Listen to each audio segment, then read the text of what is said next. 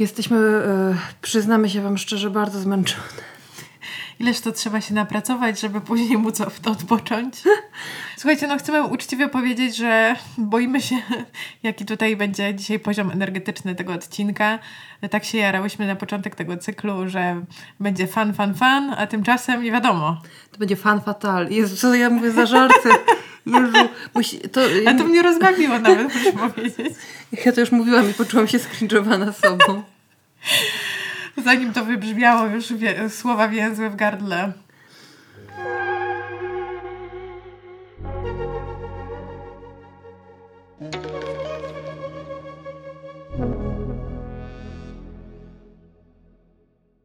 W poprzednich odcinkach przeszłyśmy przez literaturę z lat 60., przeszłyśmy przez literaturę dla młodzieży z lat 80., 90. Teraz... Przeszliśmy też przez XIX wiek i XVI. Tak. I teraz myślę, że nawiązania do książek y, naszej młodości, czyli lat 90. i 00 też będą, ale ja bym chciała zacząć od tego, co czyta teraz młode pokolenie. Co czytają młodzi? Zanalizujmy to jak takie dziadki w telewizji. No właśnie trochę się boję tego osunięcia w boomerstwo i bardzo bym chciała tego uniknąć. E, więc wybrałam sobie na dzisiejszy odcinek coś, co rzeczywiście mm, bardzo mi się podobało i Wam mnie zainteresowało i chciałam to koniecznie e, posłuchać. E, znowuż nie przerwę, nadal mam gruz w oczach. Oczywiście sufit spada na, na głowę, ale że chciałam odsłuchać coś, co wydawało mi się z tej młodej, nowej literatury, nowej i młodej, też zajmujące dla mnie. Mhm. Mm, no i sięgnąłem po Igrzyska Śmierci. Ale to już nie jest młoda literatura. No właśnie przeczytałam potem na Wikipedii, że to miało premierę, pierwsza część e, tego cyklu miała premierę w 2008 roku i sobie pomyślałam, jejku, nawet to jest 14 lat temu. Ale ja też się Malina przepraszam, bo dzisiaj to my musimy być dla siebie samych i dla siebie nawzajem łagodne. A ty mi mówisz, że tutaj przeczytałaś, a ja od razu diz, że to przecież jest stare i w ogóle co ty mówisz. Przepraszam. Bo... Dziękuję. Wybaczam. Bądźmy dla siebie łagodne. Um, no nierozsądnie wybrałam tę literaturę, muszę przyznać. E, o innych książkach e, z bardzo młodego pokolenia będę mówić już tylko z bardzo trzeciej ręki, czyli o ekranizacjach tego, bo um, no bo zauważyłam też taki trend ostatnio, że co książka powstanie, to już za trzy miesiące ma premierę w, w kinie światowym. I to rodzi takie podejrzenia, że coraz częściej literatura jest pisana z myślą o tym, że równolegle z y, kontraktem na książkę podpisuje się kontrakt na ekranizację tejże. I nie wiem, czy ty też masz takie wrażenie, czytając tę współczesną literaturę młodzieżową, że ona jest taka bardzo już jak scenariusz filmowy. Że są podane takie szczegóły, które są istotne z punktu widzenia filmowania. Mhm. Um, I dialogi są już też takie pisane pod dialogi filmowe. Mm, Wiesz co? Jest to Aha. też zakrojone trochę właśnie na to, czy to będzie sukces kinowy, czy, czy nie będzie. Wiesz co, może ty zauważyłaś coś, czego ja, y, ja nie zauważyłam, co umknęło moim zamglonym już oczom przy, przydymionych wiekiem. Y, ale ja to raczej będę strasznym boomerem, bo uważam, że E, zdarza się jednak teraz często w tej literaturze dla młodzieży, że to są rzeczy, które brzmią jak pisane na Wattpadzie i następnie wydane, co zresztą bywa często prawdą. A poczekaj, a powiedz dla boomerów takich jak ja, co to jest Wattpad? No Wattpad to jest, y, pamiętasz MyLoga? To może... Nie. Taką platformę, gdzie się prowadziło blogi, ale li literackie często. No Aha. i Wattpad to jest takie miejsce, gdzie no, aplikacja również, ale też po prostu jest to na, na desktopie. Można to mieć w internecie online, w przeglądarce internetowej, e, gdzie e, osoby piszą swoje opowiadania lub fanfiki. E, po prostu taki no, internetowy self-publishing, który już nie ma formy bloga, nie ma jakby się takiej osobnej strony na domenie, tylko po prostu to jest na odpadzie. Mhm. I co, i tam jest jakieś takie wyszukiwanie, jak wchodzisz tam jako czytelniczka, że możesz sobie wpisać po tagach na przykład yy, wszystko, co cię interesuje i wyskoczą ci fanfiki, tudzież prace artystyczno-literackie na ten temat? E, no, na przykład, e, nie wiem, no chyba tak. Jezus, Boże, Marta. Jak ja to będę montować. Ale słuchaj, zanim ja przejdę do lektury swojej takiej ładpadowej, to możemy porozmawiać o tych Igrzyskach Śmierci. Chcesz? No. No super. No bo ja bardzo ten film lubiłam. Nie czytałam książki, yy, ale, ale bardzo mi się podobał ten film. Fajnie. Czy też tak chciałaś strzelać z łuku jak główna bohaterka? Yy, no ja strzelam z łuku oczywiście. W moim wy wyobrażonym świecie na temat mojej, e, moich alternatywnych żyć, co się dzieje po zmroku. Ale mm, no jakoś właśnie teraz jak sięgnęłam do tej literatury yy, i sobie jej słuchałam, zresztą znowuż muszę pochwalić audiobook, który jest dostępny za darmo na YouTubie. I może jeszcze będę o tym mówić, jakie tam są jakości, ale aktorka, która to czyta, świetnie moduluje głos do kolejnych postaci, bo tam jest mało w ogóle narracja jest pierwszoosobowa, co mnie zaskoczyło, szczerze mówiąc, bo pamiętam film i nie byłam, zupełnie nie wyobrażałam sobie tego jako, jako rzecz pisa pisana w pierwszej osobie, a tak jest. I o dziwo, narracja pierwszoosobowa, do narracji pierwszoosobowej aktorka, która to czyta, uważam, że używa swojego naturalnego tonu głosu. Natomiast kiedy wypowiada się jako bohaterka i przytacza swoje własne wypowiedzi do innych osób, nie, nie do, włas- do wewnątrz własnej głowy, to moduluje głos i mówi wyżej. O! tak. Fajne. I tam są co prawda takie momenty, kiedy wprost jakby w narracji się pojawia, że ona teraz się cofnęła do, do wspomnienia tego, jak miała 11 lat i w związku z tym powiedziała coś wyższym, wyższym tonem.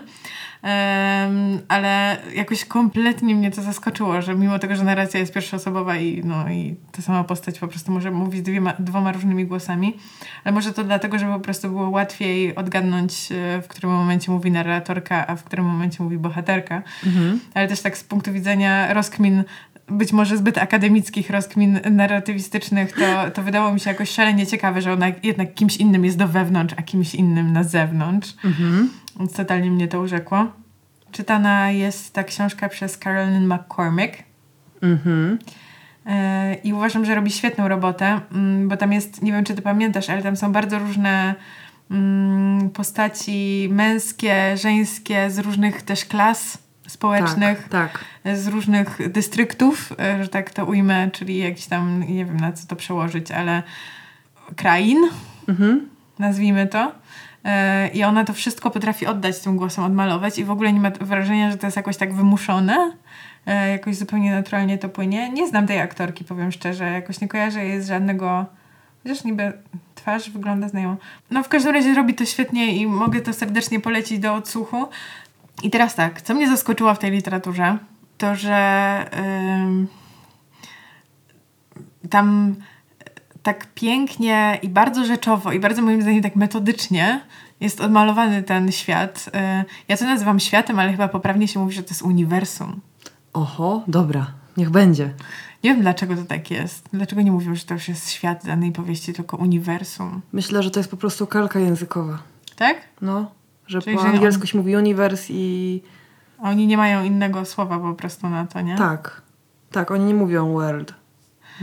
Chyba. Na świat przedstawiony. No dobra. No więc y, autorka to odmalowuje w jakiś taki bardzo metodyczny sposób i sobie patrzyłam właśnie na, na, na jakiej zasadzie ona buduje to napięcie od samego początku. Mm, I niby ten język literacki jest prosty, a jednak mam wrażenie, że sam właśnie pomysł, jak to wszystko wprowadzić, jak, tam, jak, jak wprowadzić poszczególne elementy tego świata, jak wprowadzić to napięcie, jak powoli wprowadzać e, historię samej bohaterki i właśnie tego świata, czy też uniwersum, w którym to się dzieje, jest to jakoś super dobrze przemyślane. W sensie natężenie tych szczegółów, które ona podaje. Nie wiem, czy ty kojarzysz takie powieści, w których właśnie jest jakieś uniwersum, czyli e, takie tradycyjne literackie, w których mamy się przenieść do jakiegoś e, innego wieku, albo innego kraju, albo innej jakiegoś Albo do kontekstu. Hogwartu. I, I zawsze, no może właśnie w Hogwarcie tego nie masz, tak? Ale zawsze w takiej tradycyjnej literaturze pięknej jest takie po prostu nasycenie tych nazwisk obcobrzmiących, nazw geograficznych, jakiegoś, że to tak strasznie trudno pojąć jest na początku. Myślę sobie Aha. na przykład o Śródziemiu, tak. E, wiesz, i, i Tolkienie, mhm. gdzie tam on, on też tworzy ten świat i oczywiście wiele osób go docenia, ale to jest jakieś takie turbo trudne, żeby się przez to przebić na samym początku. Mhm. Kto z kim, dlaczego, o co chodzi, dlaczego jest tutaj tak dużo tych postaci i nazwisk. A tutaj jest to tak dostosowane do tego, że właśnie tak powoli, powoli poznajemy poszczególnych bohaterów. W ogóle nie jesteśmy tym za, za, zasypywani jakoś. E, I całą tę historię jakoś doceniłam to. Mhm. Powiem ci, że pomyślałam sobie, że o, to jest prawdziwie rozrywkowa literatura. Chociaż Chociaż, no właśnie. No właśnie, czemu nas to rozrywa, że... Że innych rozrywają. Że innych rozrywają. Yy, narratorka jest bardzo krytyczna wobec faktu, że ktoś sobie urządza rozrywkę. Y, ktoś, czyli mieszkańcy stolicy, która ma dokładnie taką nazwę, jest po prostu stolicą. I żyją tam ludzie z wyższych sfer, którym niczego nie brakuje, a jednocześnie narratorka non-stop ich nazywa idiotami. E, żyją w przepychu i ten przepych się objawia właśnie nie tylko tym, że jedzą drogie rzeczy, których ona nigdy na oczy nie widziała, ale też są dziwnie ubrani, e, bardzo e, wystylizowani w różnych barwnych ubraniach i fryzurach tychże, ale jednocześnie, że zachowują się bardzo pretensjonalnie i mają dziwny ton głosu i dziwny akcent. I one, co prawda, bardzo to krytykuje, cały ten system, ale jednocześnie się zastanawiają na takim metapoziomie, a czyż my nie powinniśmy się czuć krytycznie wobec siebie, że nas to rozrywa czytanie o takich tutaj mm, strasznych nierównościach i no było, nie było, historiach tragicznych wyborów. No bo tak zrekapitulujmy dla osób, które nie czytały lub nie oglądały filmu, że to jest historia y, społeczeństwa kastowego mocno, w którym podzielonego właśnie na te dystrykty czy też krainy, E, w którym co roku dwoje osób z każdej z tych krain jest wybierane do telewizyjnego show, e, które polega na tym, że e, dwójka tych młodych ludzi, czyli w sumie ich tam jest ile? 20, 24, 24. 24 osób zostaje wrzuconych do jakiegoś taka, takiego świata jak jakaś wirtualna, rozszerzona rzeczywistość, wymyślonego, zaprojektowanego specjalnie na potrzeby tego show E, tylko że to jest bardzo prawdziwa rzeczywistość i wygrywa ten, kto ostatni zostanie żywy, bo reszta musi zginąć. Albo się sami zabiją, albo różne rzeczy, które tam twórcy show wrzucą, typu jakieś, nie wiem, mechaniczne pszczoły i inne, tak, inne takie, ich zabiją. No i właśnie, to mam taką wątpliwość, czy zdrową i moralnie poprawną jest e, ekscytacja, którą odczułam na myśl e, o powrocie do tej lektury. A niewątpliwie to nastąpi, jak tylko skończymy nagrywać ten odcinek, słucham dalej, bo chcę wiedzieć, co się wydarzy. No ale właśnie to jest chyba tak, że to jest takie klasyczne e, kibicowanie underdogowi. Bo przecież mhm. Katniss jest z tego, naj, czyli główna bohaterka jest z tego najbiedniejszego dystryktu i nikt nie daje żadnych szans oczywiście dzieciakom, które które z tych najbiedniejszych dystryktów pochodzą, bo te, które są z najbogatszych, to one wręcz same się zgłaszają, żeby wygrać i zyskać sławę i ćwiczą się w, tych, w tym władaniu różnymi rodzajami broni od dzieciństwa. Mm, no a tutaj e, okazuje się, że Katniss jest dosyć e, sprytna w tej całej sytuacji i zaczynamy, no i bardzo jej kibicujemy oczywiście, bo jest naszą główną bohaterką, nie?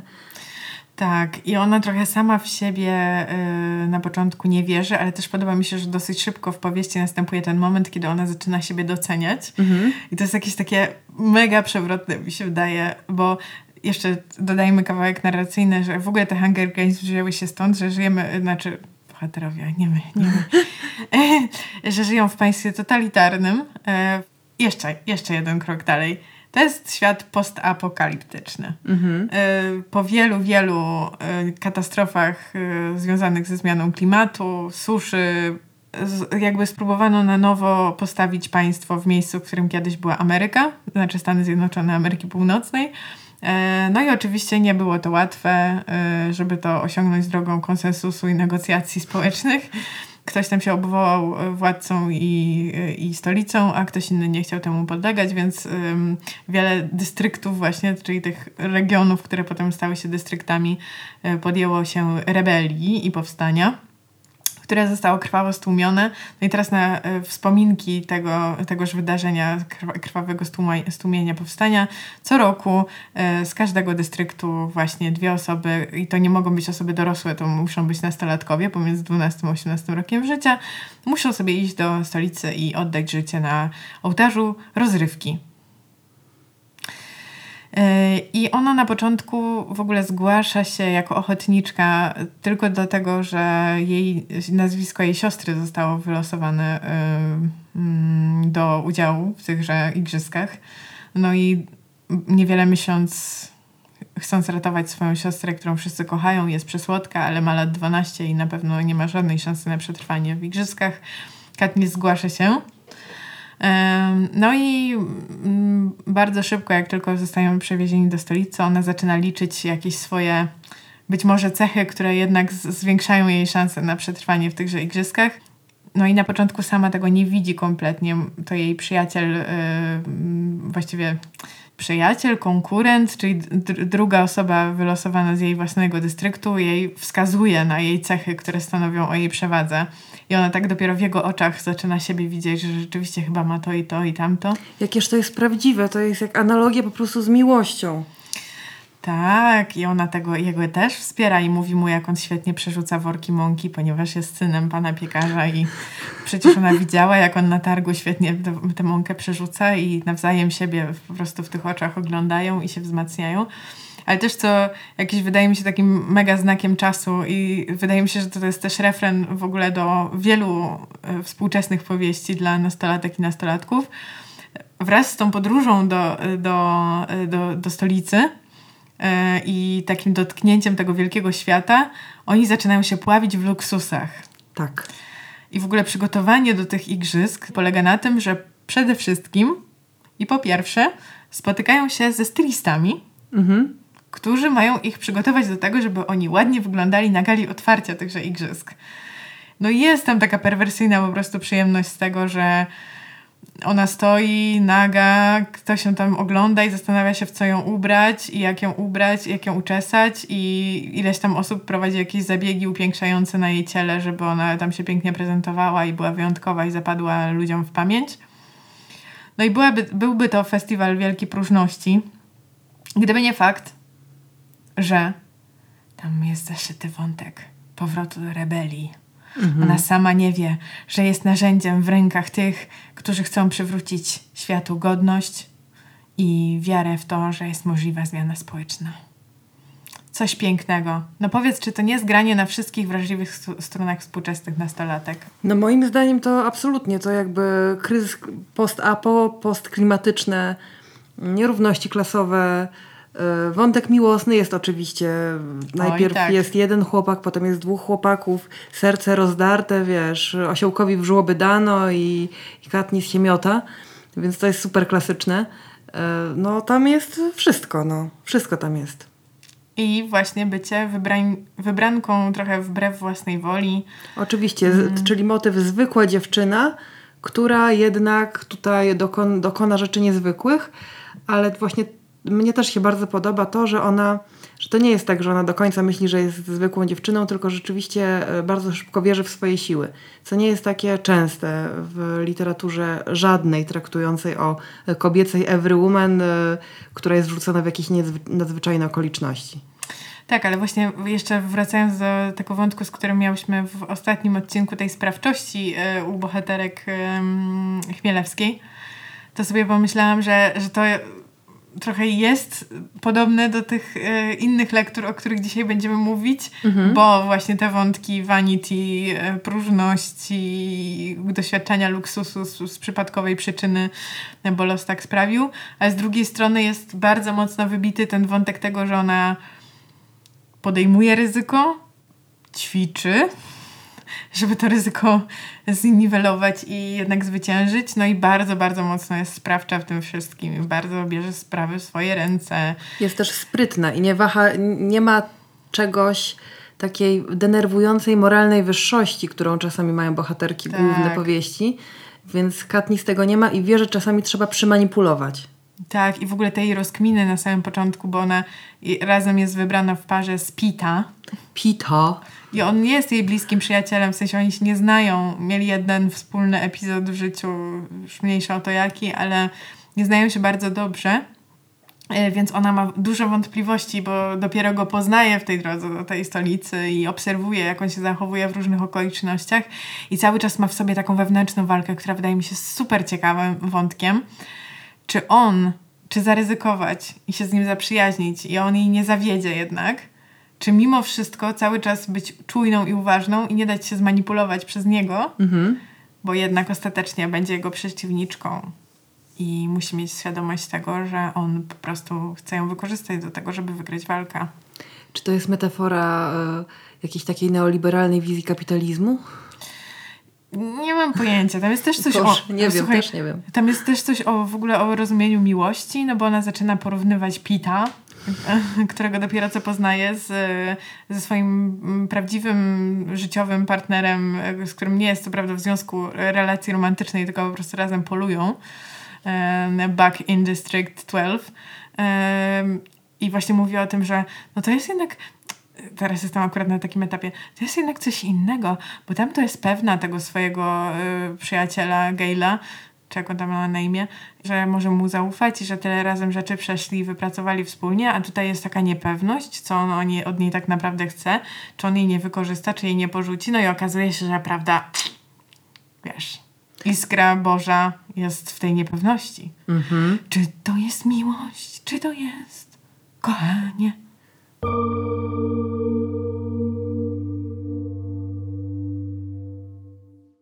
Bardzo jestem ciekawa, co będzie dalej. Mm, jestem dużo nieoczywistych post... No ja, bo ja oglądałam te filmy, ale już nic nie pamiętam. Dlatego mówię, że jestem ciekawa, co będzie dalej. I też jakoś, jak pamiętam, jak oglądałam ten film, to jakoś tak kompletnie przeleciałam przez te wątki, y, dlaczego oni są w tym świecie, na jakich zasadach ten świat się opiera, jakie tam są właśnie, nie wiem, historie chociażby związane z przyrodą i rzeczonym Mocking, Mockingjayem, który Mm. Czyli e, ten, mm, Jezu, co to jest ten Mockingjay? Jak to się ten po polsku tak nazywa? On nie istnieje w ogóle. Aha. Więc to też jest ciekawe, jak e, w filmie na przykład nie do końca, nie pamiętam tego wątku i nie, nie umiałam go wyłapać, a w książce jakoś jest to bardziej żywe, że kiedyś, kiedyś, jak była właśnie ta rebelia, czasy, czasy rebelii w, w dawnych Stanach Zjednoczonych, to y, stolica wymyśliła coś takiego, żeby podsłuchiwać rebeliantów w ich dystryktach i żeby oni nie wiedzieli, że są pod, y, podsłuchiwani, to słuchaj, stworzyła modyfikowanego genetycznie ptaka y, płci męskiej zawsze, który podlatywał do rebeliantów, podsłuchiwał ich narady, a potem przez swoją umiejętność powtarzania głosu ludzkiego przekazywał te informacje w stolicy. Mhm. I w ten sposób stolica wiedziała o tym, o planowanych rebeliach w dystryktach. No ale jak się rebelianci zorientowali, że ptak ich podpierdziela, mhm. to zaczęli dawać mu fałszywe informacje. Mhm. No, to nie był jeden ptak, to było wiele ptaków. No. To za, zaczęli mu fałszywe informacje udzielać i wtedy stolica zdecydowała o po prostu porzuceniu tego projektu y, modyfikowanych genetycznie ptaków i wygnała ptaki ze stolicy. Mhm. No i byli przekonani o tym, że ponieważ to były same samce, sa, samce same. To się nie rozmnożą. A one się skrzyżowały z innymi ptakami. No i teraz są takie właśnie modyfikowane genetycznie, naturalnie skrzyżowane mocking jaye, mhm. które nie istnieją tak naprawdę w realnym życiu, ale są trochę takim śladem, takim symbolem właśnie tej nieudanej opresji w państwie Aha. totalitarnym, które natura oraz ludzie we współpracy z naturą um, obróciły um, przeciwko stolicy, czy też no, po prostu zniwelowały te, zneutralizowały tę broń. No i widzisz, ja takich rzeczy zupełnie nie pamiętam, nie? Bo oni w filmie, żeby wiesz, wszystko to oddać, tam te sceny yy, walk yy, odpowiednio dużo, żeby zajęły klatek filmowych, to musieli wyciąć i uprościć niektóre wątki. I wydaje mi się, że akurat ta kwestia tego, jak ten świat jest zbudowany, jest bardzo tak po macoszemu potraktowana w filmie. Ale mogę się mylić znowu, może to być moja zawodna pamięć, yy, no bo nie, niewiele pamiętam z tych filmów. A propos dziewcząt wrzuconych e, nagle w świat niebezpieczeństwa, lecz także i luksusu. Ach, To ja chciałam e, zrobić e, rant. Tak myślę, że to będzie chyba rant, chociaż może nie muszę tego mówić od razu, może zachować nutkę tajemnicy. Chciałabym opowiedzieć o najpopularniejszej obecnie książce polskiej w ogóle. Nie, że tam dla młodzieży. To ona okupuje topkę Empiku od wiem. tygodni wielu. Empuzjon.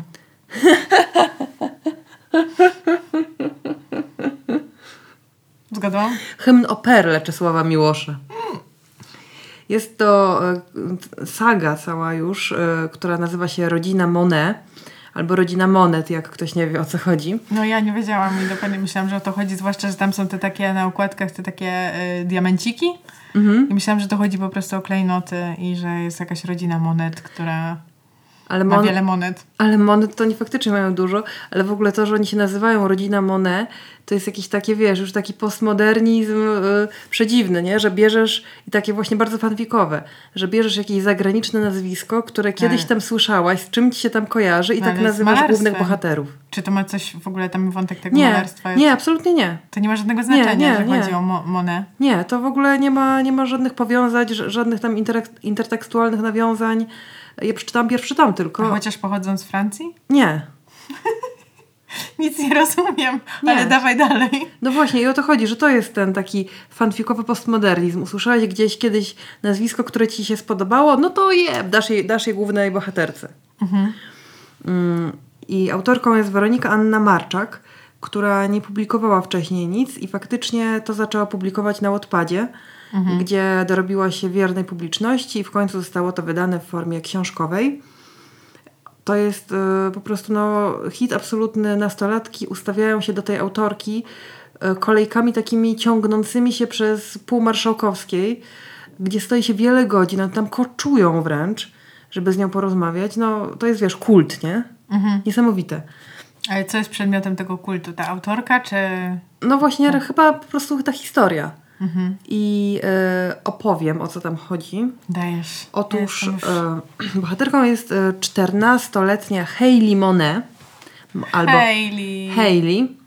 Jak pięknie, jak rodzimie. Jezu, ja teraz będę brzmiała naprawdę jak, Jak boom. straszny nacjonalista. Nie dość, że boomer, to jeszcze nacjonalista, no. Ale dobra, Hailey. E, No i Hayley mieszka w Wielkiej Brytanii, co tłumaczy jej egzotyczne imię, choć nie, niekoniecznie nazwisko. Ma lat e, 14, mieszka w Wielkiej Brytanii i już na pierwszych dwóch stronach książki spotykają tragedia życiowa, ponieważ w wypadku samochodowym ginęła jej mama i babcia. Od tego się zaczyna. Czyli typowa polska rodzina, mama i babcia, Tak. ale jednak z Wielkiej Brytanii. No dobra. E, I e, Hayley e, zalewa się łez potokiem i myśli, że trafi do sierocińca teraz, no ale czeka ją coś znacznie lepszego niż sierociniec, bowiem okazuje się, że Hayley ma piątkę przyrodnich braci, o których nigdy w życiu nie słyszała i ci bracia wszyscy mieszkają w Stanach Zjednoczonych. Najstarszy z nich, Vincent, zostanie jej opiekunem prawnym teraz i ona się przenosi teraz do USA. No i pozdronara. No dobra. Więc Hayley tam jedzie, poznaje tych braci, e, czuje się tam bardzo obco, no jest nieszczęśliwa oczywiście, wiadomo, straciła wszystkich bliskich, jest w jakimś bogatym, ogromnie domu, takiej rezydencji. Mhm. A czy dostaje wizę? E, z Wielkiej Brytanii nie ma wiz. Nie ma? Nie. Oni mogą sobie tak po My prostu też. wyjechać? My też już, wiesz? Donald Trump nam to załatwił. Naprawdę? Nie ma z Polski wiz do USA już. Czy ja mogę też pojechać do rodziny Tak. Monet? Tak. Ale Ale super. musisz mieć... Pięciu przyrodnich Dużo- braci, dużo monet. Przepraszam, ale byłam ciekawa po prostu. No dobra. No i, no i e, rzeczywiście e, ci bracia Monet żyją w luksusowych kompletnie warunkach, w jakiejś rezydencji. Hayley tam dostaje luksusową jakąś, e, jakieś piętro czy apartament własny, ale też bracia traktują ją jako najmłodszą, obcą, w zasadzie im osobę chłodno bardzo, więc ona jest osamotniona, wyobcowana. Mm, Bracia też kontrolują ją bardzo, to znaczy do takich absurdalnych poziomów. Na przykład e, okazuje się, że sprawdzają e, po prostu jakoś systemowo, na jakie strony ona wchodzi na swojej prywatnej komórce, Mm, albo zakazują jej w szkole mówić, e, w ogóle rozmawiać z jakimikolwiek chłopcami, Ponieważ jak wiadomo, to jest najlepszy sposób, żeby powstrzymać czternastolatka przed angażowaniem się w romantyczne relacje. Na, co, jak oni to argumentują, że dlaczego ona ma nie rozmawiać z chłopcami? Że po prostu, że, no, że ona jest za młoda na, na relacje z chłopcami. I tyle. I nie ma dyskusji. Ten brat najstarszy, on jest taki bar bardzo elegancki, co jest zawsze podkreślane, bardzo przystojny i taki zawsze zimny i władczy. Jak w 50 twarzach Greya. I jak w 365 dniach, gdzie masz dokładnie ten sam wątek, że every woman zostaje w, w okolicznościach kompletnie niezależnych od niej, przeniesiona jakoś do bardzo bogatej rezydencji, gdzie żyją bardzo tajemniczy, zimni, e, brutalni, bo ci bracia Monet też są dość agresywni w stosunku do... biją się sami, biją innych w szkole. Jezu, nie wiem czemu ja się śmieję z tego, no. No bo to jest jakby kuriozalne. E, więc i, i ten e, Massimo w 365 dniach kontroluje tę swoją Laurę i ci bracia kontrolują tą swoją Hayley. E, ale oczywiście okazuje się, że również bracia po prostu bardzo ją kochają i to No wszystko z tak. miłości. I bracia są też mafiozami. E, co nie pada od początku, ale, Ale po domu... można było się domyślić, jak się okazało, że wszystkich biją. No, oni są tacy właśnie eleganccy, bogaci, po domu się walają pistolety e, i jest takie skrzydło, do którego Hayley nie może wchodzić, bo tam bracia robią interesy.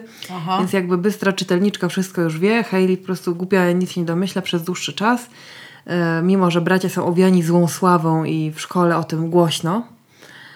E, no ale właśnie to, co jest w tej książce najbardziej szkodliwe oczywiście, to jest to, że po prostu mam wrażenie, że dziewczynki uczą się z tej książki, że kiedy mężczyzna zaborczy jest i kontroluje cię na wszystkie sposoby i zabrania ci rozmawiać z innymi ludźmi i sprawdza twój telefon e, i jest dla ciebie chłodny i po prostu zachowuje się agresywnie wobec innych ludzi, ma wszystkie cechy, które są mega czerwonymi flagami, to jednak jeśli zasłużysz na jego miłość i on ci powie w końcu jesteś piękna i mądra, jesteś naszym skarbem, to wtedy to już wiadomo, że po prostu to jest to, no i o to w życiu chodzi.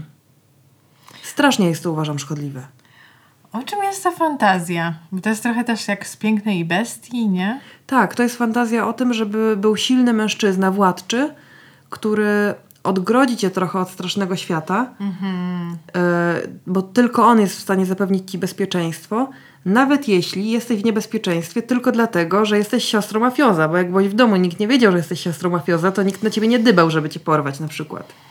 No tak, tak, tak, tak, tak. Ale jednocześnie, bo tam on jest jej bratem, nie? Tak. Czyli tam nie ma wątku romansowego. Nie, nie, to absolutnie nie jest e, romansowe, no ale jest to jakby, są to bardzo ważne figury mężczyzn w życiu, prawda? Nie no, To są jej tak. jedyni opiekunowie, jedyni bliscy, e, którzy no, zachowują się tak, a nie inaczej i jest to przedstawione jako mm, piękna miłość rodzinna, której być może do końca nie umiał okazać. A czy tam są też jakieś wątki takie tych relacji damsko-męskich? W sensie, czy ona wchodzi w jakąś relację z jakimś mężczyzną? E, Wiesz co? Ponieważ ma zabronione, to po prostu nie robi tego. E, Wchodzi, wchodzi wbrew przykazaniom braci w relację romantyczną z chłopakiem, z którym na początku się tylko przyjaźni.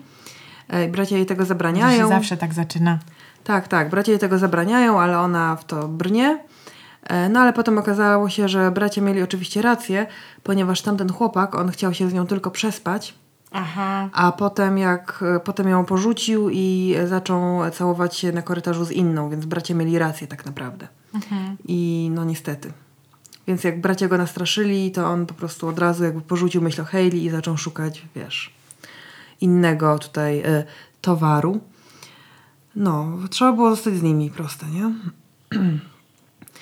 E, Ale jeżeli chodzi o, o seks, jakieś erotyczne rzeczy, to ta Hayley e, 14-letnia jest pruderyjna jak e, wiktoriańska jakaś ciotka. Aha. Tam są takie momenty, że na przykład wchodzi do biblioteki, bo jest zapaloną czytelniczką, wchodzi do biblioteki w tym domu Monet i się I tak biblioteka rozgląda. płonie. Przepraszam. Już próbuję znaleźć jakieś, jakąś nitkę narracyjną w tym, której mogę się przytrzymać. No nie płonie akurat, e, to Hayley płonie ze wstydu, bo widzi różne książki, w tym widzi półkę z, or, z, oro- z erotykami i reaguje na to tak, że oczywiście od razu odwróciłam od nich wzrok. E, tak samo jak e, widzi w pokoju swojego starszego brata plakat z gołą babą, no to jest dokładnie to samo. Też właśnie od razu od tego obrazu odwraca wzrok. E, strasznie jest pruderyjna. Ale że nawet ją to nie ciekawi? Czy ona boi się kary? Czy Nie wiadomo. jak tam jest? Oczywiście omijam to szerokim łukiem. Dlaczego oczywiście? Sam Pan Bóg wie. Ale to jest dla mnie ciekawe, bo kiedyś jak natrafiłam, miałam takiego akurat... Mogę? No możesz. Co miałaś? Bo to jest dla mnie super ciekawe, bo miałam takiego e, chłopaka, który... E, e, tak, który akurat... To chyba jakoś... tak- To było tak dawno temu, że nie pamiętam, ale... On się jakoś parał e, właśnie prowadzeniem jakiegoś takiego czasopisma czy coś dla, dla osób, które piszą fantastykę, e, opowiadania fantastyczne i że czy on je był w jakiejś komisji, która oceniała te opowiadania. W każdym razie, że dzielił się z nami Tym chłopakiem był Jacek Piekara. Nie, Jezu. No weź, bo teraz to pójdzie w świat i... E, e, nie był to Jacek Piekara, e, ani nic blisko tego. W każdym razie on się z nami dzielił jakoś takimi właśnie najciekawszymi z jego punktu widzenia e, wykolejeniami rozumienia fantastyki. Aha. E, I że na przykład ktoś e, przysłał na ten konkurs e, opowiadań e, fant- fa- fantazy, e, wysłał właśnie takiego fanfika, e, w którym teoretycznie właśnie główną bohaterką była nastolatka, która żyła sobie w Polsce, ale przez przypadek spotkała słynnego aktora, który zaprosił ją na imprezę, ale żeby, ją za, żeby mogła pójść na tę imprezę i wyglądać jak człowiek, to kupił jej sukienkę oczywiście. No oczywiście. I buty. I długo chodzili bardzo po sklepach i tam 70% czasu y, tego opowiadania to było chodzenie po sklepach i wybieranie odpowiedniego outfitu. I potem poszli na tą imprezę i on się, y, bardzo był właśnie wobec niej taki, że zainteresowany, ale jednak następnego dnia rano y, zniknął. No i ona już taka załamana wychodzi z domu i patrzy, tam pod y, wycieraczką bilety lotnicze, że ona może pojechać do Stanów i coś tam. E, i To co- co, no, I to, co mnie uderzyło, to że też tam jakby było powiedziane, że oni mają relację erotyczną, ale za grosz ona nie była opisana, tylko była na takiej, wiesz, na zasadzie po prostu fade away, ściemnia się światło i potem rano się zapala i jego już nie ma. Słuchaj, no nie każda autorka nastoletnia była tak odważna jak 15-letnia ja, która dziewicą będąc po, poważyła się w swoim blogu na MyLogu o scenę seksu. I Napisałaś? Napisałam. Ale na podstawie, rozumiem, literatury. Mm, Literatury oraz filmów. Ale takich normalnych, a nie dla dorosłych. Takich nie oglądałam. wtedy. No ale jest wiele scen dla dorosłych w normalnych filmach. No tak, ale tak rzadko dochodzą do jakby końca tegoż aktu, a u mnie przeszedł cały. To, czyli ty sobie dopowiedziałaś jakieś... Tak, tak. Ale Oczywiście to było takie z- me- zgodne z prawdą? W sensie... Dzisiaj jak to czytam, to trochę pewne jakby mm, anatomiczne reakcje wydają mi się fantastyczne. No jestem strasznie ciekawa. Ale bardzo to było zmetaforyzowane, takie wiesz, poetyckie, więc e, po prostu nie uważam, żeby ludzie na przykład wyginali się w łuk przy pewnych działaniach. No ale to jest bardzo po- właśnie taka poetycka fraza, która jest No jednakowoż zakorzeniona w języku, nie? Że coś Tak, tam tak, tak. ludzie się wyginają w łuk. Właśnie A no, ten, kto nie chodził na jogę, nie wie, jak trudno jest się wygiąć w łuk. de facto. no spuśćmy, spuśćmy na to nomen zasłonę milczenia.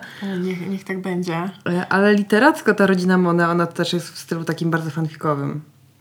A Ja to ci- znaczy, że... Przeczytam ci, to będziesz wiedziała. Dobrze, poproszę. To jest po prostu niesamowite. Ja zastanawiam się, czy tam wiesz, gdzie był redaktor? Czy redaktor nie Gdzie pom- byli rodzice? Gdzie byli rodzice? Gdzie, był, gdzie byli dziadkowie?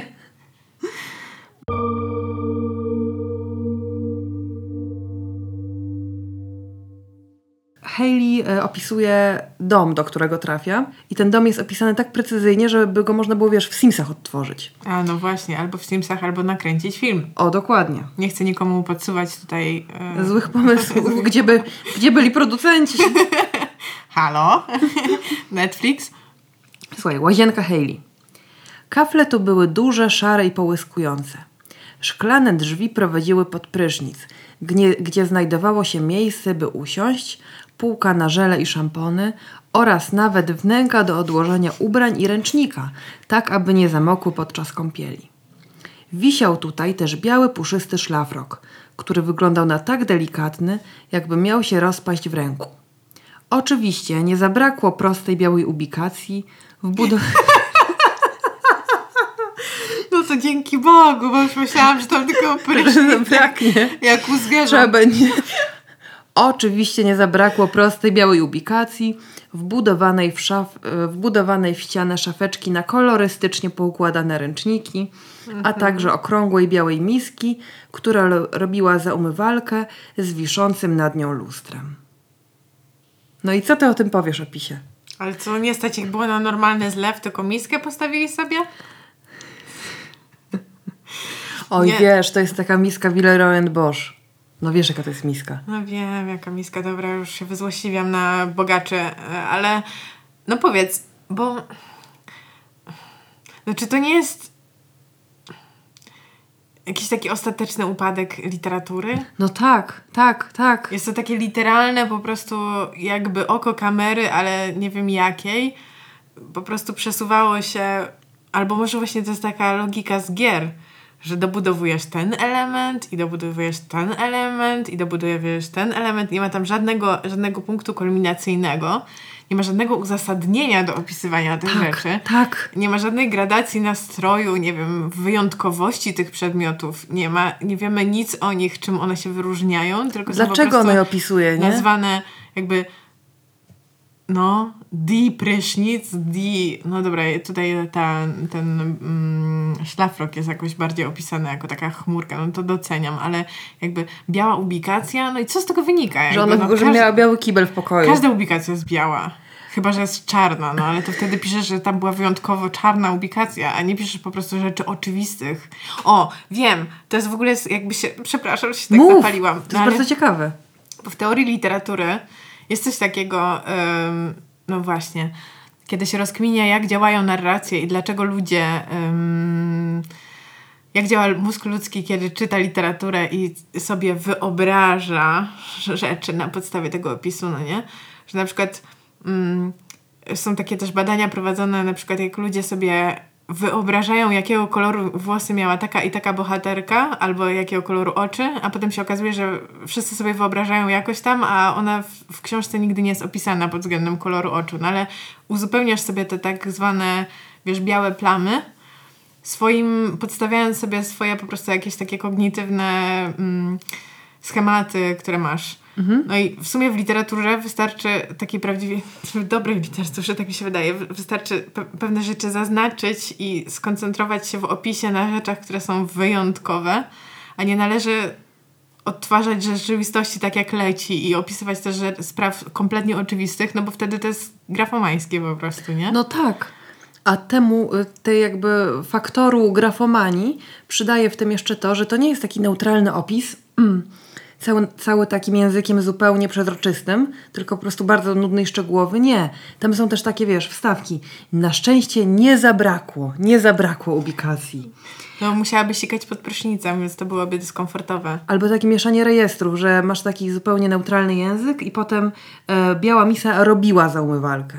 Nie, wiesz, pełniła funkcję umywalki, służyła jako umywalka, tylko robiła za umywalkę. Trochę jakby pół rejestru niżej, nie?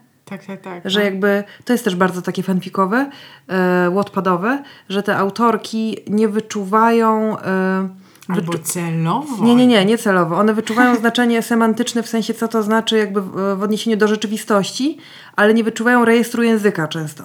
Aha. Że, mam, że po, pojawiają się takie, wiesz, że y, u, na przykład y, stosują słowo, nie wiem, odrzekł, nie? Y, Aha, zam, aha. Zamiast odpowiedział, albo nagle się pojawia y, jakiś taki s- mm, wyraz bliskoznaczny, który jednak jest bardziej albo mniej wyrafinowany od reszty. Od reszty narracji. Mhm. Takim. I to właśnie jest dla mnie duży, duży sygnał o, o niedoświadczonej bardzo jeszcze pisarce, nie? I braku redaktora. I braku redaktora. Albo z drugiej strony właśnie może... No kurczę, bo zastanawiam się, jaki jest proces decyzyjny w momencie, kiedy ktoś bierze to i decyduje się to wydać, nie? No, że bardzo dużo ludzi przeczytało, więc kupi. Czy ktoś tam w ogóle dyskutuje taką kwestię? Czy należałoby w związku z popularnością tego tekstu popracować z autorką nad y, kwestiami redakcyjnymi? Czy ktoś widząc ten tekst i mając doświadczenie redaktorskie myśli sobie, to byłaby zupełnie inna książka i wymagałoby to tak dużo pracy, że to nie ma... Czy w ogóle ktoś to jakby, wiesz... dyskutuje, czy po prostu lecimy z tym, będzie kasa z tego? Wiesz co, y, tam chyba w tej rodzinie Monet, nie jestem pewna, czy w pierwszym tomie, czy w drugim, być może już w pierwszym, tam były jakieś redaktorskie cięcia. Aha. Coś tam się zmieniło, ale to nie było tak, że ktoś wziął tę autorkę i pracował nad nią z tym tekstem gotowym. Mhm. I to też w tej książce widać na przykład, że im dalej w las, y, im więcej tych rozdziałów, y, czyli im dłużej, bo wiadomo, że ona pisała to na Wattpadzie po rozdziale, a nie opublikowała całość, y, to to się robi trochę lepsze. To znaczy te najbardziej jakby grafomańskie przymiotnikozy i opisy znikają. Zaczyna się to bardziej skupiać na akcji, na, na relacjach bohaterów, na jakichś emocjach. E, ale właśnie, no to jest niesamowite, że masz książkę, która na początku jest gorsza niż na końcu i wiadomo dlaczego. Po prostu redaktor no, nie usiadł i nie, prób- nie spróbował tego jakoś, wiesz, Ujednolicić. tak. Przedziwne.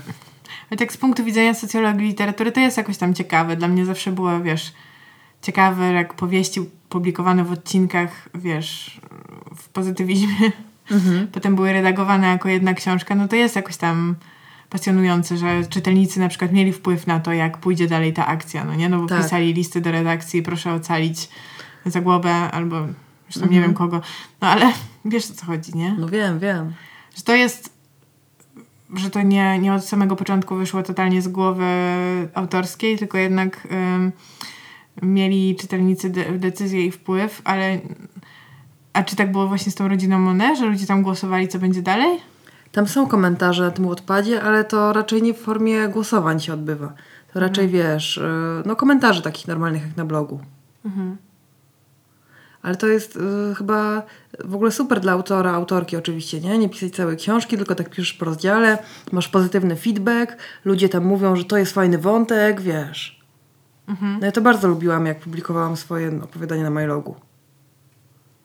Że moje koleżanki z literackiego wiesz, Eee. przychodziły, też pisały takie różne dekadenckie powieści o młodych ludziach, którzy wiodą niebezpieczne życie.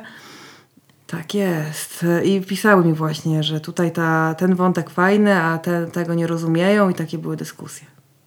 Mnie to ciekawi i jakoś tak porywa, że te trudności i wyzwania i przygody, które są jednak pojawiają się w tych książkach, one są tak strasznie oderwane od rzeczywistości. W sensie dalej już nie można. Tak. Że, że tak jakby w codziennym życiu normalnym i tym, co tu i teraz i tym, z czym na co dzień się mierza, nie było na tyle ciekawych tematów, żeby je podjąć, tylko że trzeba jakoś tak kompletnie odlecieć na inną orbitę.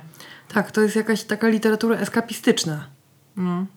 I właśnie to nie jest tak, że odlatujesz naprawdę na inną planetę, czyli e, czy, czy tam w świat post-apo, jak, e, jak w Igrzyskach Śmierci, który jest zupełnie inny od świata, w którym żyjemy, ale no porusza problemy świata, w którym żyjemy teraz. Tak. Tylko jesteśmy ciągle w 2020 roku.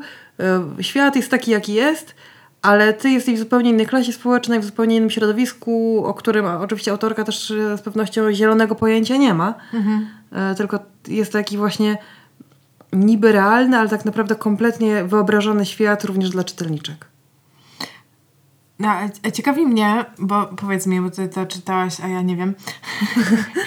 to, co zawsze bardzo szanuję w autorach powieści realistycznych, takich, które właśnie nas zabierają w jakiś inny świat historyczny, czy w jakiś, Lalka. tak, czy, czy jakiś inny kontekst kulturowy, że ktoś jednak spędza tonę jakby czasu na, na researchu tych takich drobnych szczegółów, realiów, yy, wiesz, czytaniu gazet z tamtych czasów, albo nie wiem, czytaniu jakichś książek do danego kontekstu kulturowego, żeby te różne rzeczy, które są tam zasygnalizowane, żeby one generalnie, chociaż nie są na pierwszym planie, tworzyły spójną całość i były rzeczywiście tym takim istotnym tłem, na którym rozgrywają się te pierwszoplanowe wydarzenia. A czy, czy w tej historii na przykład jest jakikolwiek wgląd w to, jak działają, nie wiem, mafio, mafie? Ja nie mam takiego wrażenia. Ja też nie wiem, jak działają mafie, ale no jakby to jest wszystko takie prześlizgujące się, okrągłe. Ja nie wiem, jak ci bracia działają, oprócz tego, że jak ktoś tą Hailey próbuje porwać, to go tłuką, nie? Aha, czyli takie... Mhm. I że mają swoją ulubioną restaurację jak rodzina Soprano, nie? No jakby, wiesz, Mhm. Czyli to jest takie są po- jakieś takie kalki e, Aha. wzięte, tam nie ma szczegółów, nie? Znaczy są, no wiemy, miska. No mi, miska klozetowa oczywiście jest biała, nie? To, to wiadomo, ale, ale jak tam wyglądają interesy braci? Pff, stara, nie wiadomo. Hmm. Hailey nie wie, to i my nie wiemy. Wiadomo, że są tajemniczy. Dużo wiemy o tym, jak wyglądają, który ma gęste brwi, a który ma przyjemny głos, a który ma gdzie kolczyk, a który ma jaki tatuaż. To te rzeczy są jakby opisane doskonale. Czyli takie w sumie zdjęciowe no. Sprawy zdjęć. A powiedz, a, a jest, no strasznie jestem ciekawa tego. A czy w tej bohaterce zachodzi jakaś przemiana? Co, coś, co jest absolutną podstawą narracji wszelakich? E, wiesz co? E, no, tak, to znaczy ona najpierw z takiej bardzo e, przestraszonej i straumatyzowanej de facto no, dziewczynki e, najpierw e, trochę się buntuje, przestaje być trochę grzeczna i buntuje się, uznaje te zakazy braci za absurdalne, ale bardzo lekko się buntuje, a potem z kolei zaczyna e, z tego buntu, przechodzi do, e, do takiego poczucia zadowolenia, że tutaj, jeżeli ona postępuje rozsądnie, czyli słucha tych braci, to rzeczywiście wychodzi na tym dobrze i że staje się bardziej częścią tej rodziny i tak e, jest jakby taka historia stawania się częścią tej rodziny akceptowaną przez tych braci. To jest bardzo ciekawe w sumie. Mhm. Nie jesteśmy skupieni na jej świecie wewnętrznym, mimo że jesteśmy, nie? Ale, mhm. ale ta przemiana to jest przemiana jej stosunków z tymi najważniejszymi osobami w świecie zewnętrznym.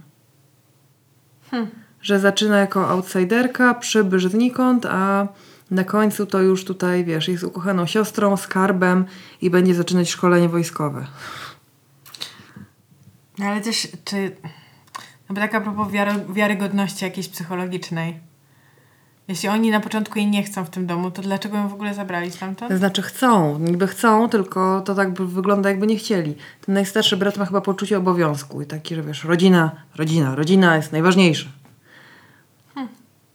Ale nie wie jak sobie radzić z dziewczynką, z dziewczynkami w ogóle. No, yy, tam jest trochę moim zdaniem prawdy psychologicznej, na przykład o tym, jak e, nastolatka, która straciła najbliższych, może, czego może potrzebować, nie? Mhm. Że może potrzebować właśnie zrozumienia i na przykład też ciepłej, bezpiecznej fizycznej bliskości, bo tam ważnym momentem jest każdy, każdy w którym ci bracia ją przytulają albo wiesz, głaszczą po głowie. On tak bardzo tego e, pragnie i przeżywa.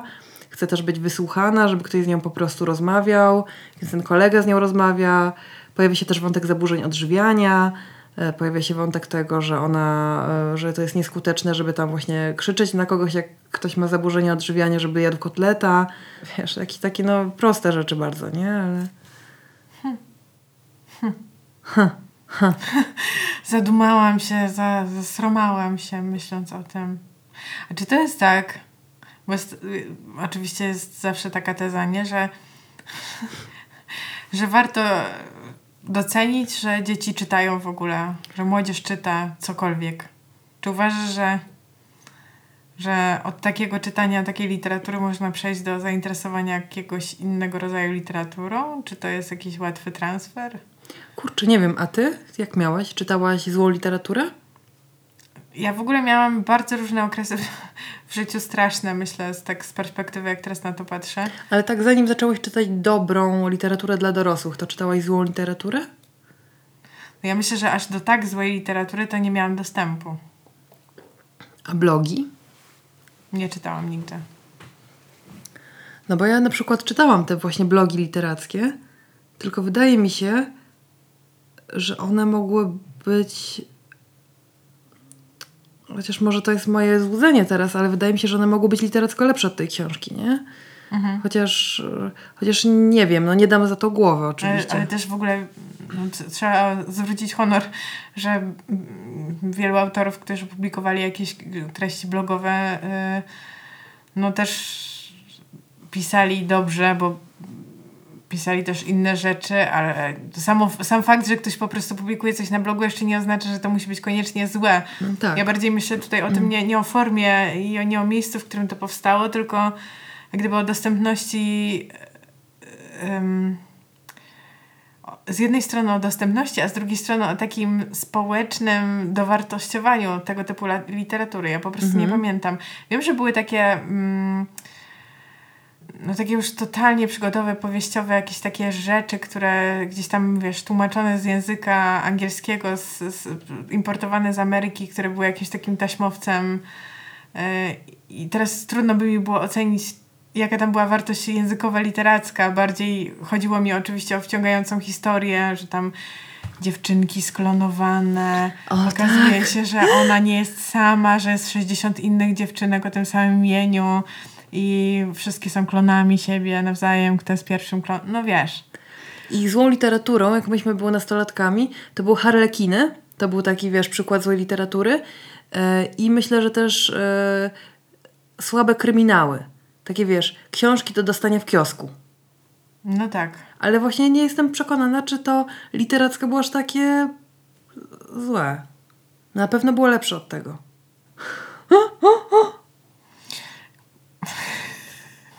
Ale jedziemy po tej biednej Weronice Annie Marczak. Nie no, przecież odniosła wielki sukces i myślę, że nic jej to nie robi, że my tutaj jakby próbujemy, próbujemy ją porównać do Bolesława Prusa albo żeby daleko aż tak daleko nie odpływać do Siesickiej. No nie wiem, wydaje mi się coś takiego... Wiesz, jak oglądam, jakie to jest uczucie, jak oglądasz Black Mirror? No. że tam wszystko jest niby znajome, ale jest coś niepokojącego w tym. Bardzo mocno i potem się okazuje, co to jest to niepokojące. Nie, demo, nie chcę demonizować tej literatury, absolutnie, ale jest coś dla mnie niepokojącego w tym, że ludzie tak konsumują takie treści, które które nie dość, że wdrukowują jakieś takie wzorce właśnie na przykład uległości, że opłaca się uległość po prostu kobiet względem starszych mężczyzn w rodzinie i tak dalej, i tak dalej, ale że też tam dodatkowo nie przemyca się żadna, wiesz, taka wszechogarniająca opowieść, że to nie jest imersyjne, że nie poznajesz nowego świata, że cię to, nie wiem, nie uwrażliwia mm -hmm. na nowe perspektywy, że nie poznajesz jakiejś inności, że to jest że to jest w ogóle tak daleko od świata obecnego, w którym żyjesz, że to jest wręcz jak gdyby że to nie sprawia, że lepiej rozumiesz świat, w którym tak, żyjesz. Że to cię odizolowuje od tego świata wręcz. Że mhm. sobie taki. Tak. Tworzysz sobie tak, taki. Jak to się mówi? Protezę mhm. jakąś taką. Mhm. Ale nie wiem, może zawsze literatura jest protezą. Nie no, ale może być, y, może być taki literacki eskapizm, to znaczy odizolowanie się y, od świata, w którym żyjesz za pomocą literatury, ale to może być świetna literatura, nie? której, no weźmy nasze słynne dwa przykłady, lalka i chłopi, nie? Jak, czyta, jak pogrążysz się w czytaniu lalki, no to sorry, jakby nie, to cię wyrywa z, ze świata, w którym jesteś, ale tak. jakby jest tam bardzo dużo procesów y, społecznych, y, psychologicznych, emocjonalnych, y, po prostu no, o uniwersalnych zjawiskach. Jest to szczerze, w sensie nie szczerze, tylko prawdziwie opowiedziane, opowiedziany, opowiedziany świat tylko w XIX wieku, nie? No.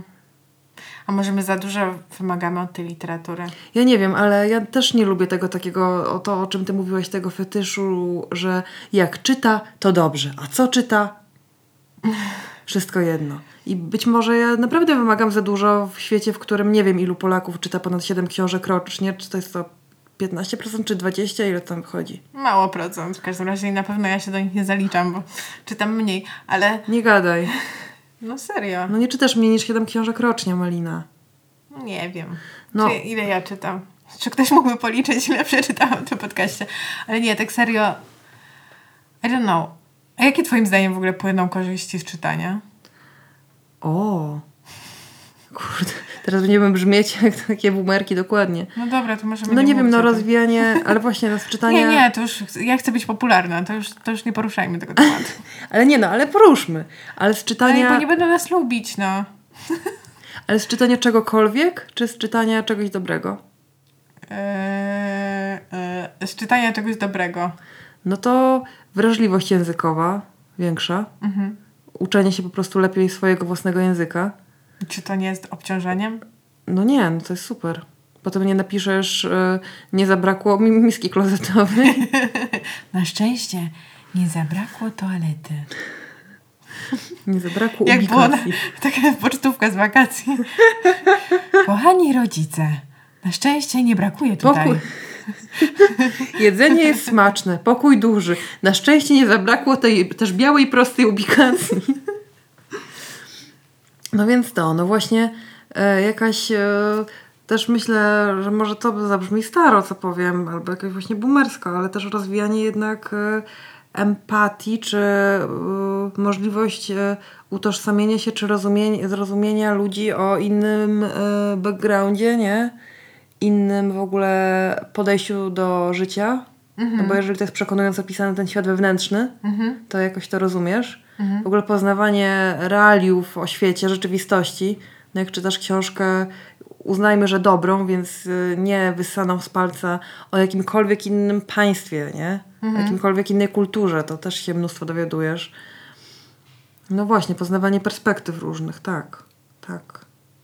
I też e, asumpt do refleksji emocjonalnych, psychologicznych, no cóż, no, No ale weźmy taką... socjologicznych, o kapitalizmie, jak Igrzyska Śmierci. No właśnie, bo, bo się zastanawiam, czy Katniss Everdeen nadal coś przemyca. Czy jest to pure rozrywka i... No moim zdaniem mm, to jest taki rodzaj książki, które jak przeczytasz dla piór rozrywki jako nastolatka, to potem rzeczy, które napotykasz w realnym świecie, będą ci się kojarzyły z tym, co czytałaś tam. Nawet jeżeli to czytałeś, żeby zobaczyć, czy Katniss przeżyje, to potem zobaczysz na przykład e, dziwne reality show i zaczniesz o tym myśleć, że kurde, no po prostu jak z Hunger Games, nie? I pomyślisz, o, o kurde, o faktycznie, o kurde, co to nas mówi, nie? Tam bardzo jasno są zarysowane właśnie kwestie klasy społecznej. Tego, że, nie, tak, no. tego że niektórzy, że wszyscy niby na starcie są równi, na starcie Igrzysk Śmierci, tylko że niektórzy startują z, po, z poziomu piwnicy, a niektórzy z 30 piętra wieżowca. Tyle wy- wydarzyło się w ich życiu wcześniej, takie mieli inne szanse i, i przygotowanie do tego. Tak, no i też kwestia pochodzenia, nie? Że oni, ten 12 dystrykt to jest y, dystrykt em, Jezu, zapomniałam polskiego słowa. Najbiedniejszy? Nie. em, Powiedz po angielsku. już powiem po polsku, bo znalazłam, co jest moim mózgiem.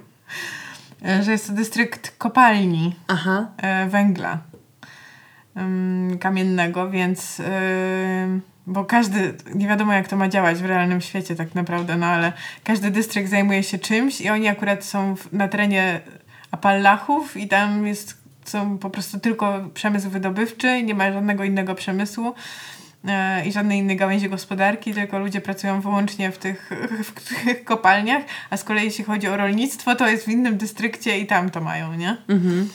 Em, no, więc też są tutaj problemy pewne ze spójnością i logicznością tego świata, no ale nie Zwłaszcza, że co, nie zdążyli całego węgla za palachów wykopać przed tą katastrofą No klimatyczną OG? że Dlatego jest problem, że oni muszą kopać bardzo głęboko, bo wszystko, wszystko wcześniej zostało wykopane.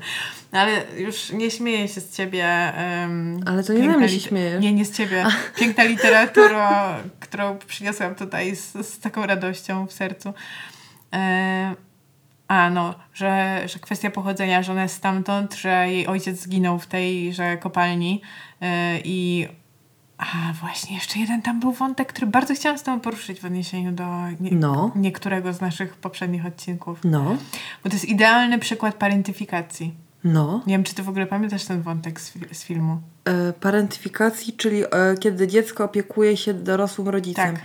Tak, bo mama Katniss jest taka bardzo smutna i słaba. Tak. I chorowita i Ona tam po ciężkiej. prostu totalnie się y, zapada w depresję i Katniss, pomimo, że y, w momencie, kiedy jej ojciec umiera, ona ma lat 11, a jej siostra lat 7, to przejmuje na siebie rolę dorosłego i mm, idzie w ślady ojca, jeśli chodzi o właśnie polowanie na zwierzynę i zapewnianie jedzenia do domu, ale też musi tę swoją siostrę młodszą wspierać i tę matkę i nagle w ciągu jednego dnia po prostu staje się z dziecka, staje się osobą dorosłą y, odpowiedzialną za dwie inne osoby zależne.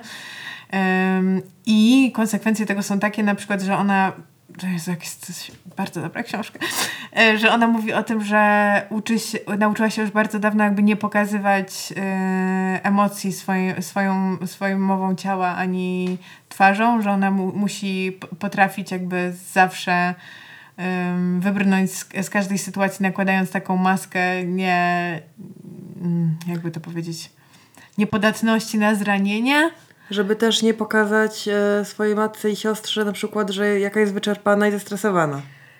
Tak, bo ona tutaj czuje, że jeśli ona tego nie dowiezie, to nikt nie dowiezie. No i oczywiście sytuacja się zmienia radykalnie, kiedy e, ona musi wyjechać do stolicy i wtedy przeprowadza taką rozmowę z matką, że pamiętaj, że musisz zadbać o e, moją młodszą siostrę, bo teraz mnie tu nie będzie, żeby to ogarnąć, że to jest teraz na tobie, nie? Mhm. Obiecaj mi, że to zrobisz. E, no ale pomiędzy tym 11 a 16 rokiem życia to jest 5 lat, kiedy ona po prostu się wćwicza e, w, relację, znaczy w bycie osobą dorosłą w momencie, kiedy jest no właśnie nadal dzieckiem, no i to ma jakieś konkretne konsekwencje dla jej e, sposobu w ogóle dealowania z własnymi emocjami, podejrzliwości wobec świata.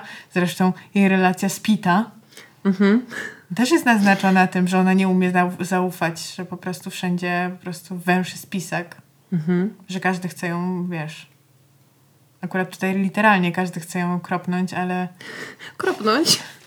ale dla mnie to jest taka wielka metafora właśnie takiej em, takiego o, o, świata Arebur, w którym te nastolatki dźwigają za duży ciężar jak na nastoletnie Mhm. Barki, wątłe. barki wątłe. Bardzo tak. I to jest jakiś taki wątek, który się przejawia w tej literaturze współczesnej, mam wrażenie, dla młodzieży, że w odróżnieniu na przykład do Orzegowskiej dzieci rodzice tacy są, tacy są, ale są. Mhm. I te dzieci znowu też dźwigają za dużo, ale jakby oni są jeszcze w obrazku, tak tutaj w tej literaturze ich prawie w ogóle nie ma. Tak. Tak, tak, tak. Oni wszyscy samopas. Muszą A- sobie sami rozstrzygnąć. Albo e, rodzice przez zbieg okoliczności zostają daleko, albo w ogóle już nie żyją. No, To już w Harry Potterze przecież, nie? tak. Chociaż tam są jeszcze jakoś powiedzmy ci nauczyciele, którzy pełnią taką funkcję, no Mhm. jednak dorosłych, którzy dają jakieś ramy, są jakimś wsparciem. No ale kurde, kto wysyła Harry'ego Pottera na dealowanie z najgroźniejszym typem w No całym w świecie magii, no i nie magii. Dlaczego? Dlaczego oni na to pozwalają? No bo życie Harego jest mniej ważne i zdrowie psychiczne od tego, żeby ten typ nie wrócił. No to jest odwieczny problem. Dlaczego Gandalf, Gandalf wysyła Froda do Mordoru? No bo trudno, no to jest, wiesz, trzeba zaryzykować. I to jest też trochę o tym, trochę zauważ, że Katniss jest trochę e, Frodo. No tak, bo to jest taki e, archetyp w ogóle bohatera, bohaterki. Że on niby taki słaby, ale prawdziwy, czy, z czystym sercem. No tak. No tak jak właśnie, no każdy bohater. Jak po prostu, e, jak Harry Potter, jak myślę już w jakichś e, baśniach też, nie? Przecież wioskowy głupek, który wyjeżdża na wyprawę, e, albo dziewczyna, która szuka braci, chodząc z, żelaznym kosturem w żelaznych chodakach i jako zwykła dziewczyna wychodzi, a, a wiesz... A wraca bohaterka, która, której słońce nie spaliło, a wiesz, a wiatr nie zdmuchnął. No ale właśnie, jeśli to jest ten archetyp, to w, wydaje mi się, że w rodzinie Monet w ogóle tego nie ma. No oczywiście. I No bo co tak, ta bo- bohaterka dźwiga? Co ona przezwycięża? Oprócz tego, że się tak naprawdę... To jest o stłumionym buncie i o uległości i o poddaniu się zasadom narzuconym jej z góry. To jest o jakimś takim... No nie wiem właśnie, co, co tam ona ma e, osiągać. To raczej jest o tym, jak z takiej, e, jeżeli tak to konceptualizować, jak z takiej zwykłej dziewczyny, takiej szarej myszki, stajesz się nagle, wiesz, członkinią klanu rodzinnego, mafijnego, pełnoprawną, nie? Mhm. że to jest ta jakby ten upgrade bohaterki stopniowy, który na pewno w kolejnych tomach jakby dalej postępuje, bo ona tam pod koniec pierwszego mówi, że ona chce mieć szkolenie z samoobrony, coś tam, więc pewnie będzie ba- coraz bardziej zaangażowana w te braci przygody różne. No ale wiesz, to nie jest upgrade, który wynika z tego, że ona jakąś wewnętrzną przemianę przechodzi. Że, albo że musi, wiesz, tutaj sta- stanąć na wysokości zadania.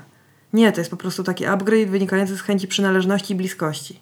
Bo zwykle w historiach właśnie bohaterów jest tak, że przychodzi jakiś challenge, jakieś wyzwanie Tak. i bohater ma wybór. Albo się poddać, no i dalej nie ma o czym opowiadać, albo e, stanąć na nogi, zawziąć się, zagryźć zęby i przełamać coś w sobie, nie wiem, strach przed wystąpieniami publicznymi, e, e, niezdolność robienia czegoś, wrodzoną skromność, no nie wiem, jaki tam... No bez przeszkody, bez konfliktu nie ma w ogóle historii, nie? No właśnie, a tutaj mamy trochę to odwrócone, że przychodzi wyzwanie, ona ma wybór do wybrania i wybiera właśnie to, co normalnie by zabiło narrację, czyli wybiera się poddać. No bo tutaj przeszkodą jest, y, pierwszymi przeszkodami jest zachowanie okropne braci i to jest tak, że ona niby to pokonuje czy przełamuje tak, że oni zaczynają się zachowywać trochę lepiej. Wiesz, to, to jest właśnie dziwne, bardzo narracyjnie są te takie fanfikowe historie. Że nie wiadomo dlaczego ta zmiana zachodzi.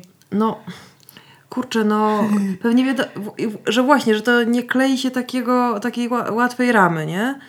Że, że ta zmiana zachodzi być może dlatego, że, że ona... Kurde, nie, nie umiem położyć na tym palca, jestem zbyt zmęczona, mój mózg już nie działa. No spoko, może, może, a to nie jest tak, że to jest opowieść o konformizmie po prostu? Żeby się umieć ułożyć w danej sytuacji? Żeby, no, to, to żeby jest, mieć dwie twarze i... To jest właśnie o pozorach siły w sytuacjach, kiedy tak naprawdę e, to nie ty dyktujesz warunki, tak jak właśnie w 365 dniach, nie? Że Laura zostaje z Massimem, zakochuje się w nim, zostaje na tej Sycylii i niby teraz jest w pozycji jakby większego poweru, większej władzy wobec świata. No bo przyjęła rolę niewolnicy, ostatecznie pogodziła się z nią. Tak, i niby on jej nie traktuje jak niewolnicę już teraz, Aha. ale właśnie to nie jest tak, że ona pokonała przeszkodę w postaci mężczyzny traktującego ją jak niewolnicę, czy jak podwładną, czy jak mhm. wiesz. Tylko ona uznała, że ona go jednak kocha, albo że to są moi bliscy bracia i, i wiesz, i nagle tutaj dzięki temu w, w oczach świata twój upgrade, jesteś upgrade'owana, ale tak naprawdę w tej relacji nie wiadomo. Kurde, to jest, to jest przedziwny, przedziwny jest ten schemat jakiś.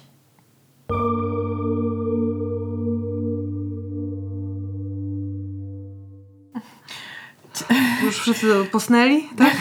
Znalazłyśmy problem poznawczy, którego nie umiem rozwiązać um, o tej porze i w takim stanie umysłu, którym, e, którym dzisiaj dysponujemy, za co z góry przepraszamy, ale być może są wśród nas osoby, które potrafią to jakoś rozkminić i położyć na ten palec, jak to powiedziała Marta, um, w, pie w, pięknym, tradycyjnym polskim. E, bo, bo ja chętnie to przeczytam i spróbuję to zrozumieć, e, bo wydaje mi się, że jest coś w tym że jest jakaś taka głębsza prawda o tym, czego nastolatki potrzebują dzisiaj. Że nie chcą, wiesz, że nie chcą że nie chcą historii o pokonywaniu jakichś trudności, tylko chcą słyszeć o tym, jak najprostszą drogą dostać się do luksusu i akceptacji.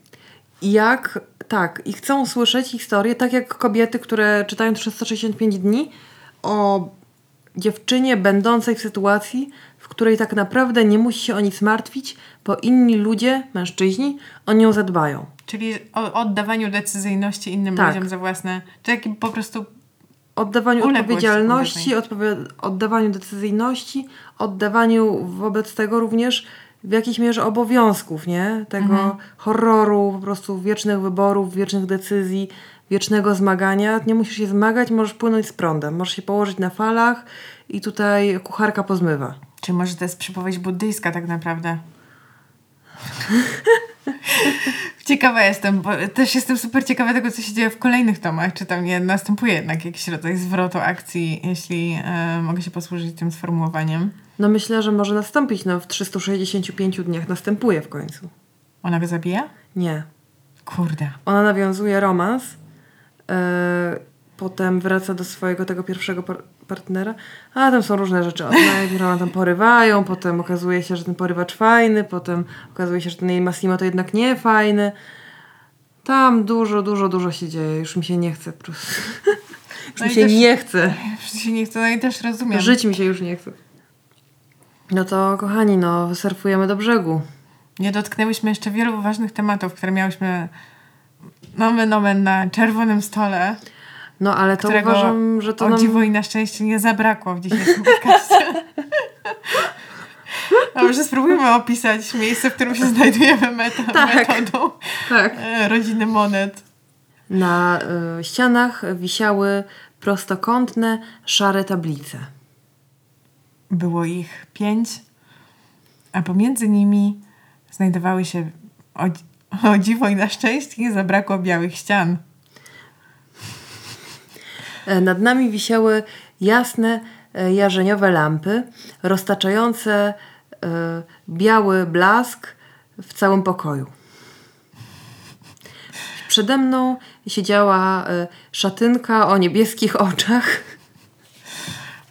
której na szczęście nie zabrakło języka w gębie.